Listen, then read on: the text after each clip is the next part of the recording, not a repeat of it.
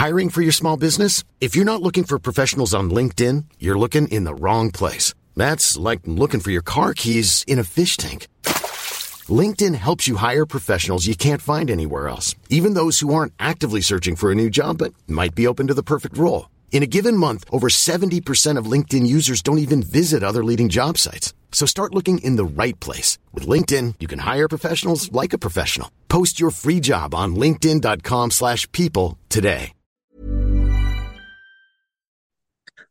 Halo pendengar ganteng-ganteng Manchester United Podcast, kembali lagi bersama kita berdua, ada Saung dan Alvin di sini. Dan kalau misalnya teman-teman mendengarkan episode yang lalu gitu ya uh, ketika kita preview tentang uh, Aston Villa United kita gue adalah salah satu yang cukup pesimis ya Hmm. kan karena uh, gue sendiri nggak yakin akan konsistensinya United. Hmm. Nah, Alvin ya kan di sini ternyata cenderung uh, optimis ya gitu Kembali karena kita ya. Iya, kita kebalik nih yang ini nih gitu. Dan ternyata hasilnya kemarin adalah United menang 2-1 dengan golnya Rasmus Højlund. Habis itu dibalas dengan eh, apa namanya golnya Douglas Luiz yang dia joget-joget nggak jelas itu habis itu.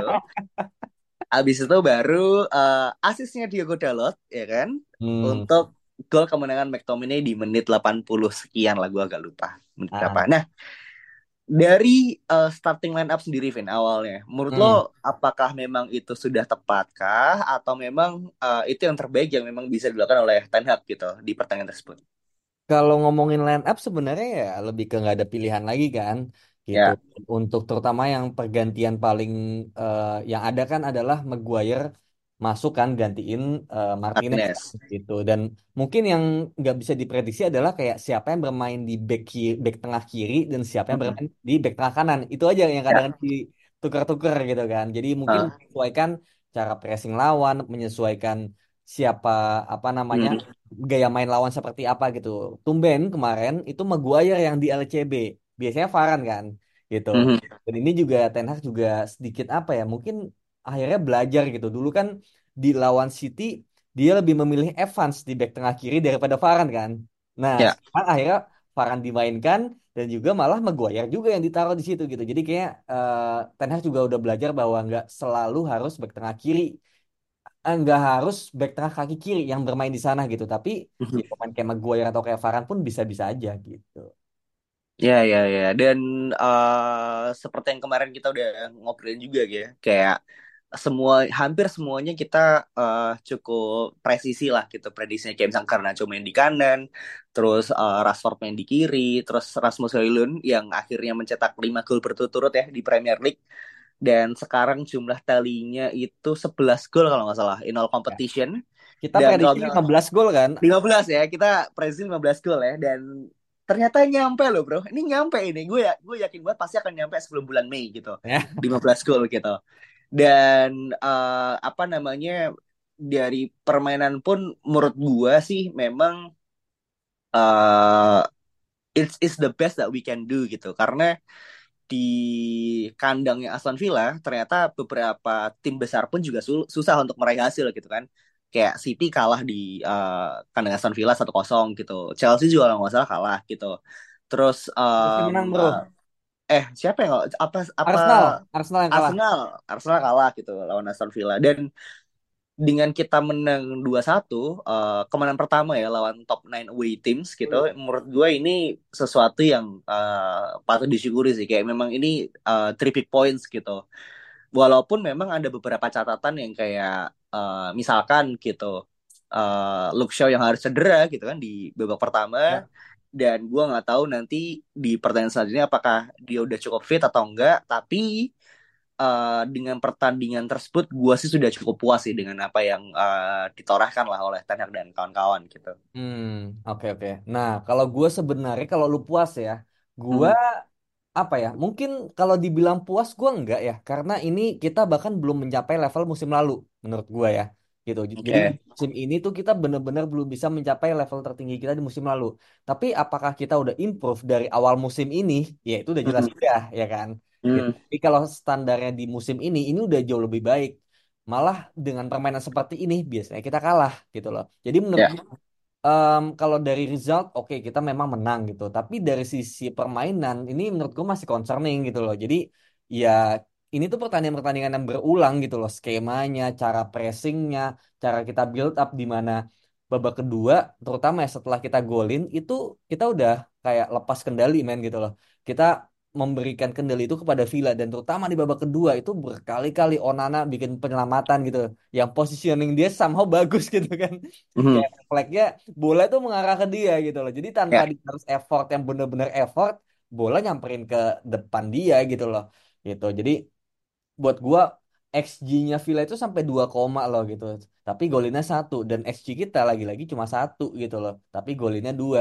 Jadi memang apa ya? Kita te- masih terlalu banyak membiarkan lawan itu bisa masuk kotak penalti dan shot gitu. Villa itu bisa shot di kotak penalti kita 17 shot gitu. Di kotak Hmm. penalti Ben gitu loh. Di kotak penalti Wow. biarkan 17 shot tuh gila gitu loh. Tapi satu sisi pertahanan kita lagi bagus nih. Box Hmm. defender kita, Maguire dan Varane ini lagi bagus banget. Kiper kita juga lagi bagus.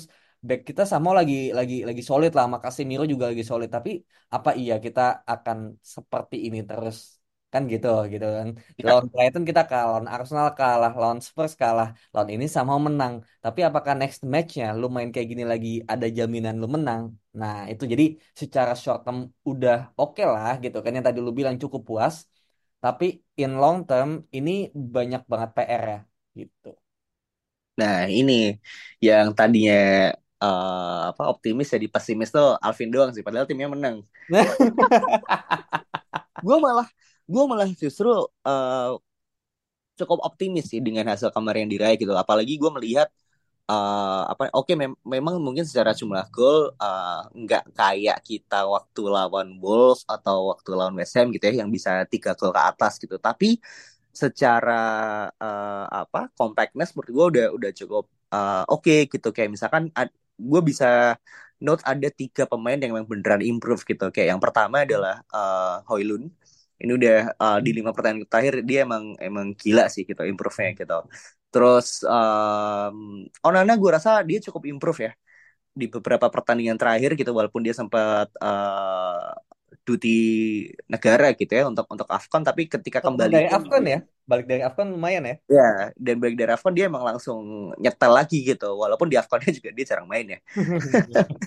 Tapi tetap oke gitu. Dan yang terakhir mungkin eh Diogo Dalot sih. Gue harus akui dia eh, tampil sangat konsisten gitu ya dan juga eh, secara overall permainan dia memang sangat improving sih gitu. Dan gue rasa dengan uh, beberapa pemain kunci ini gitu kan dan terutama mungkin Casemiro sih. Mungkin menurut gue dengan kembali Casemiro itu udah bikin tim kita jauh lebih balance gitu Hmm. di sisi midfieldnya gitu kan. Dan ini yang menurut gue bisa jadi uh, tumpuan ya bahwa United mungkin bisa sedikit kembali ke track yang sudah semestinya sih gitu. Walaupun memang harus dibantu dengan gol ajaibnya McTominay gitu katakanlah ya. Tapi ya it works gitu kan. Iya, dan ini kan sesuatu yang kita udah sering bilang kan bahwa McTominay ini jangan jadi starter gitu. Dia jadi super sub aja di babak kedua dan di tiga match terakhir kan dia kontribusinya ada loh gitu dari sisi gol atau assist ya. Lawan Wolves Hmm. cetak gol lewat sundulan, sundulan ya kalau nggak salah ya, dari corner kan. Ya. Kemudian lawan West Ham juga dia assist ke Garnacho gol ketiganya. Kemudian kemarin di sundulan juga gitu loh. Jadi memang dia clutch player yang memang mungkin bisa dibilang ya senjata terakhir aja gitu loh kayak Vela ininya lah atau ya, ya Hmm. Vela ini lah ya paling gampang gitu. Ya. Ketika babak kedua lu lagi deadlock butuh eh, sisi fisikal untuk mencetak gol dan juga duel di tengah ya lu mainin Scott McTominay gitu. Tapi jangan sekali-kali lu mainin dia dari awal gitu loh. Ya sesekali oke lah, tapi kalau lu bikin sistem di mana ada Scott McTominay di sana ya lu ancur dari awal gitu. Kayaknya sih Scott McTominay kembali ke posisi aslinya ya di striker ya, gue rasa. Gue Iya. rasa dia kayaknya shadow striker atau something deh, karena secara formasi, kalau misalnya teman-teman lihat, dia agak cukup unik nih gitu kan. Eh, dia masuk gantiin Rashford dan dia stay di atas eh, Bruno Fernandes, tapi dia bukan AMF juga gitu. Dia Iya. lebih ke kayak apa ya end produknya lah kayak finishingnya gitu. Hmm. Jadi gue rasa dengan kembalinya McTominay di posisi naturalnya ya emang dia kan di di apa namanya di di akademi kan dia striker sebenarnya gitu. Mm-mm. Kayaknya ini bisa jadi sesuatu yang cukup uh, positif sih gitu. Karena di midfield kan kita udah penuh dan striker emang kekurangan warga kan gitu. Jadi Iya. emang ini bener kayak yang tadi lo bilang ini ini bisa jadi senjata rahasianya si uh, Erik Ten Hag sih kayak benar-benar jadi Fellaini-nya Ten Hag gitu di musim sekarang. Iya, iya, iya, betul, betul. Dan itu juga apa ya, kalau misalnya teman-teman juga perhatiin ya, itu golnya Scott McTominay ini adalah gini, kita kan jarang banget, bahkan di pertandingan Villa kemarin itu kita, terutama di babak kedua ya, itu jarang banget bisa pegang bola lama. Tapi Ya. sejak menit 80-an, somehow gue ngelihat ya, itu di momen itu, di momen sebelum gol itu, somehow Hmm. cara kita bertahan adalah dengan cara memegang bola, gitu. Ya. Beda sama sepanjang babak kedua sisanya gitu most of the most of uh, babak kedua itu kita bertahan dengan cara ya bertahan aja gitu loh diserang kan tapi di momen itu sama kita bertahan dengan cara kita pegang bola pegang possession dan itu buat gue cukup lama ya 2 sampai 3 menit Ya. kalau nggak salah ya Mhm. gitu. kayak sirkulasi aja terus pelan ke Maguire, Varane, Onana tapi pelan gitu loh mungkin belum seelit kayak Liverpool, Arsenal atau City atau bahkan kayak Tottenham gitu loh. Karena kita juga nggak ada Martinez yang jago dalam hal itu kan. Tapi kita Hmm. pelan, sabar, sabar gitu kan. Dan sama nyampe tuh sampai depan sampai akhirnya gue lupa pokoknya ke siapa Casemiro, Kobe Mainu di kanan, Mainu juga Ya. dengan apa namanya? Ya komposernya ya gitu. Oper Ya. oper ke Many of us have those stubborn pounds that seem impossible to lose, no matter how good we eat or how hard we work out. My solution is PlushCare. PlushCare is a leading telehealth provider with doctors who are there for you day and night to partner with you in your weight loss journey. They can prescribe FDA-approved weight loss medications like Wagovi and Zepbound for those who qualify. Plus, they accept most insurance plans. To get started, visit plushcare.com slash weight loss. That's plushcare.com slash weight loss. I'm Sandra, and I'm just the professional your small business was looking for. But you didn't hire me because you didn't use LinkedIn jobs. LinkedIn has professionals you can't find anywhere else, including those who aren't actively looking for a new job but might be open to the perfect role, like me. In a given month, over 70% of LinkedIn users don't visit other leading job sites. So if you're not looking on LinkedIn, you'll miss out on great candidates like Sandra. Start hiring professionals like a professional. Post your free job on linkedin.com/people slash people today. Dalot dan Dalot crossing gitu. Dan tiba-tiba sundulan Scott McTominay gitu. Itu menurut gue set play yang sangat-sangat bagus. Dan ini adalah suatu hal yang sangat jarang dilakukan. Menit 80-an MU bermain tenang pegang position away lawan tim yang lagi nyerang terus gitu loh. Nah ini satu hal yang menurut gue kayak kenapa nggak diseringin aja lu bertahan dengan cara lu pegang bola gitu loh daripada lu bertahan dengan cara diserang mulu gitu maksud gue gitu karena banyak yang bilang bertahan yang parkir bis itu lebih capek daripada lu pegang bola. Jadi kenapa lu nggak pegang bola aja terus gitu loh. Dan ciptakan banyak peluang seperti itu gitu loh daripada lu malah menunggu untuk diserang, menunggu serangan balik gitu sih. Itu itu logical yang menurut gua eh Ten Hag harusnya ngerti lah gitu. Kenapa dia masih masih apa ya menyuruh pemainnya untuk lebih deep gitu loh. Gitu sih. Kayaknya memang karena kita tidak punya SDM yang mumpuni sih, gua rasa gitu ya, somehow gitu. Dan kalau misalkan uh, gua ditanyain gitu ya sama uh, teman gua, kayak United ini sebenarnya cara bermainnya seperti apa sih gitu kan? Gue masih belum bisa menjawab sih. Kayak uh, kalau misalkan Liverpool kan dia udah punya identity kan, kayak dengan pressing gitu, atau mungkin uh, City dengan tiki takanya gitu. Tapi United ini uh, apa ya? Somehow dia kayak ada oleh-olehnya kan, ada ada counter attack-nya. Oleh-olehnya. Iya, ada kontak olehnya ya. Iya kan, ada olehnya, ada counter attack-nya, tapi juga ada tiki takanya nih gitu.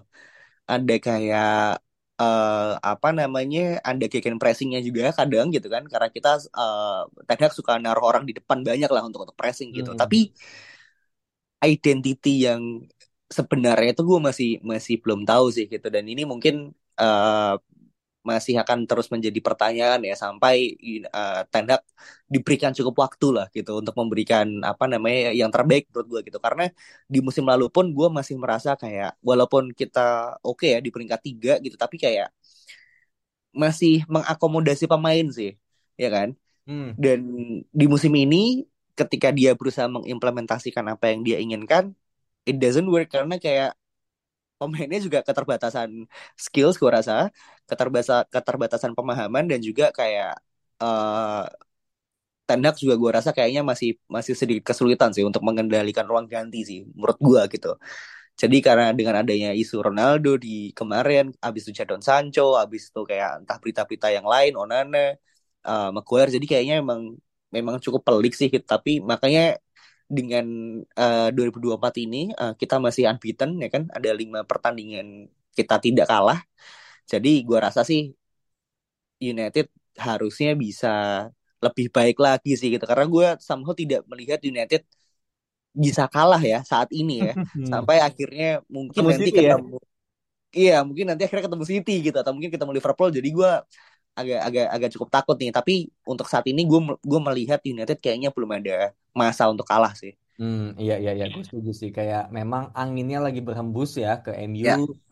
pemain-pemain pentingnya terutama yang musim lalu penting ini lagi balik kan kayak Casemiro sama Casemiro balik tapi lagi balik ke Casemiro yang uh, musim lalu gitu loh, bukan Casemiro awal musim ini gitu yang bapuk banget. Ya, ya gitu betul. Jadi, Casemiro balik, Show juga akhirnya balik ya meskipun cedera ya, tapi katanya itu cuma precaution aja gitu. Jadi hmm. harusnya sih nggak lama ya gitu. Dan tadi sedikit mungkin yang ngomongin yang identity tadi, nah ini juga sebenarnya jadi masalah gitu karena somehow lu mencoba gegen pressing kayak Liverpool, tapi cuma lima pemain depannya doang. Tapi lima pemain belakangnya kayak bertahannya oleh gitu di belakang gitu. Jadi mending lu kayak oleh sekalian atau kayak gen pressing sekalian gitu loh. Ini malah yang bikin gap ini yang bikin kita serang mulu gitu loh. Hmm. Uh, dan beruntungnya ya kita nggak kebobolan banyak gitu loh. Tapi kalau kita lagi suwe ya kayak lawan Arsenal, kayak lawan Tottenham, kayak lawan Brighton gitu sih. Itu itu mungkin concern gua di mana untuk skema bertahan ya terutama ya. Kalau nyerang uh, kita masih lebih terbentuk lah ya. Tapi ketika bertahan, nah ini dia yang pressing tuh depannya doang gitu lima depannya doang pasti semua bisa lihat kan lima depannya ya. doang tapi once limanya ini gampang dilewatin kosong tuh tiba-tiba ya kan? Kosong ya. sampai back gitu. Tiba-tiba pemain tuh wah dapat free run dapat nah itu itu hmm. alasan kenapa Villa bisa dapat 17 shot di kotak penalti ya. Karena kayak gitu skemanya. Jadi skema yang sangat-sangat bunuh diri lah bisa dibilang. Gitu sih. Jadi harapannya sih dengan musim depan ini nantinya apa namanya uh, kita harus ya bisa berbenah terutama back tengah ini bakal bikin kita maju semua gue gue gue nggak yakin bakal parkir bis nantinya tapi gue yakin bakal kita bermain seperti Liverpool lima pemain depan yang pressing lima pemain belakang ikut pressing ke depan gitu jadi ada alasan kenapa lima pemain belakang itu nggak pressing gue gue punya feeling gue udah udah apa punya analisis lah kenapa gitu yaitu karena CB kita nggak bisa pressing terlalu jauh gitu loh Gak bisa yeah. baliknya. Kayak Maguire kan udah kalau udah pressing jauh nanti nggak bisa balik lagi gitu. gitu. Ya. Iya kan, ya hal-hal seperti itulah. Makanya sebenarnya uh, apa namanya yang kita masih kekurangan ya di midfield adalah pemain yang bisa bawa dari belakang ke depan sih gitu tanpa harus ikut pressing banget tapi juga nggak defense banget gitu makanya muncullah nama Frankie De Jong kan hmm. pemain yang memang sangat jago di di hal itu gitu. Dan sekarang dengan Ande Kopi Mainu gitu, walaupun memang menurut gue dia memang belum selevel Frankie De Jong lah, mungkin masih jauh gitu. Tapi dengan ada presence dia dan dengan composure-nya dia, kita bisa melihat United ini works nih gitu. Somehow gitu. Makanya uh, Ten Hag kayak kehilangan banget ya Kopi Mainu di awal musim gitu. Karena dia menilai kayak kayak nah pengennya uh, kayak gini mainnya kan dari awal tuh pengennya iya gitu. Kan dari awal tuh pengennya main kayak gini gitu. Dan dan nggak punya profil kayak Kopi Mainu gitu si Erik Ten Hag. Makanya kayak selalu keteteran mulu kan. Ketika hmm. diserang langsung kosong ketika mau nyerang susah karena nggak ada pemain yang bisa bawa bola ke depan gitu. Kayak Bruno Fernandes sudah pasti magic ball doang kan gitu kayak yeah. dia udah lempar-lempar doang gitu Casemiro ya dia bukan tipe apa ya apa namanya yang bisa create chances yang se begitu banyaknya gitu katakanlah tapi ya maka daripada itu kehilangan Kobe Manu dan akhirnya dia kembali ini kita bisa lihat lah perbedaannya seperti apa gitu. Betul. Nah, ya kurang lebihnya. Kalau ngomongin huh? man of the match, nah ini ya. man of the match menurut lu siapa? Man of the match menurut gua, um, gua rasa ya itu Harry Maguire sih. Hmm. Gua rasa gitu karena uh, dia tampil sangat konsisten dan juga kayak menurut gue nggak banyak kesalahan lah ada kayak ada satu yang dia sempat skip kayak di di di beberapa menit uh, pertengahan gitu ya di di ujung-ujung kanan lapangan gue gue agak lupa tapi overall dia sangat konsisten lah dengan passingnya dengan uh, clearance-nya dan somehow dengan uh, chemistry-nya dengan empat back lainnya uh, tiga back lainnya dan juga dengan Onana kayaknya membaik gitu jadinya dengan yang tadi lo bilang gitu kan di bombardir 17 shot pun ya nggak ada masalah United karena secara defense kita lagi bagus gitu. Kalau misalkan uh, Hoylun ya dia hadir di saat yang tepat sih gitu. Dia yeah. memang memang presence-nya memang ada di situ gitu. Dan kalau lo lihat golnya Hoylun kan juga dari ininya kan uh, sundulannya Maguire kan. Yeah, Asisnya yeah. Maguire juga gitu. Jadi memang menurut gua sih Harry Maguire sih. Kalau lo siapa? Gua Maguire gua oke okay, dia bagus tapi buat gua yang benar-benar step up itu ya salah satunya antara Onana atau Dalot sih. Gua kalau misalnya gue hmm. pilih ya. Ini kebetulan emang itu dua pemain gue semua. Oke. Iya. kebetulan dua pemain gue lagi bagus uh. nih gitu. Jadi ya gue bingung memilih gitu. Antara dua pemain itu lah. Gue gue nggak bisa memilih karena Onana uh, somehow buat gue ya kayak Onana dengan tidak blunder aja itu udah nilai plus bagi gue gitu loh. Karena kan gue bisa dibilang pengacara Onana tapi gue kesulitan buat membela dia kalau dia blunder kan gitu. Tapi di momen ini dia menyelamatkan banyak uh, dia di posisi yang tepat gitu. Jadinya kayak ya udah ini lagi harinya Onana juga gitu. Kalau Dalot memang selain daripada asisnya memang beberapa pertandingan terakhir terutama di awal di apa namanya uh, sejak 2024 lah ya gitu. Itu memang buat gue dia lagi step up gitu. The way dia bertahan juga udah nggak kayak dulu ketika di obok-obok sama Danjuma kan di via lawan via Real itu kan kayak itu udah masa lalu gitu udah sangat improve gitu. Tinggal bagaimana dia diseringin lagi aja crossing crossing kayak gitu. Yes yes true. Makanya gue nggak sabar pertandingan selanjutnya uh, di hari Minggu ya tanggal 18 ya. uh, Februari. Lawan siapa Vin? Luton Town. Nah ini tim kecil tapi suka bikin kaget sih. Jadi gue rasa away lagi. iya United harus berhati-hati. Dan kayaknya di kandang Luton ya Betul. Kita di home cuma 1-0 doang nih menangnya nih. Nah, itu dia. Jadi, ya gue berharap di latihan kagak ada yang cedera hmm. dan hopefully United bisa tampil konsisten sih gitu. Kalau gue sih feeling gue positif, nggak tahu mungkin si Alvin kebalikannya lagi. Iya, gue nggak tahu sih. Tapi ya hopefully kita tetap bisa meraih hasil tiga poin lah karena kita sudah masuk ke title race lagi ya dengan jarak 13 poin atau 16 poin. uh, masih berjarak 5 poin sampai ke top 4 gitu. Ya. Jadi uh, perjalanan masih cukup panjang jadi kayaknya sih every point count sih karena gue juga uh, Spursnya juga agak angin-anginan sih kadang bagus, kadang jelek. Jadi nggak ada pilihan lain selain kita raih hasil penuh sih. Hmm, yang penting kita okay. ini apa selebrasi dulu lah ya sekarang ya. Iya, cuman jangan joget-joget dulu lah. Jangan joget ya. kayak terus kan kayak Alan Pardu ya joget langsung di comeback kan. Mereka orang-orang tuh biasa kan nonton yang bisa sampai selesai lah, Bro. Oke, okay, thank you so much semuanya. Sampai ketemu di episode selanjutnya. Bye bye.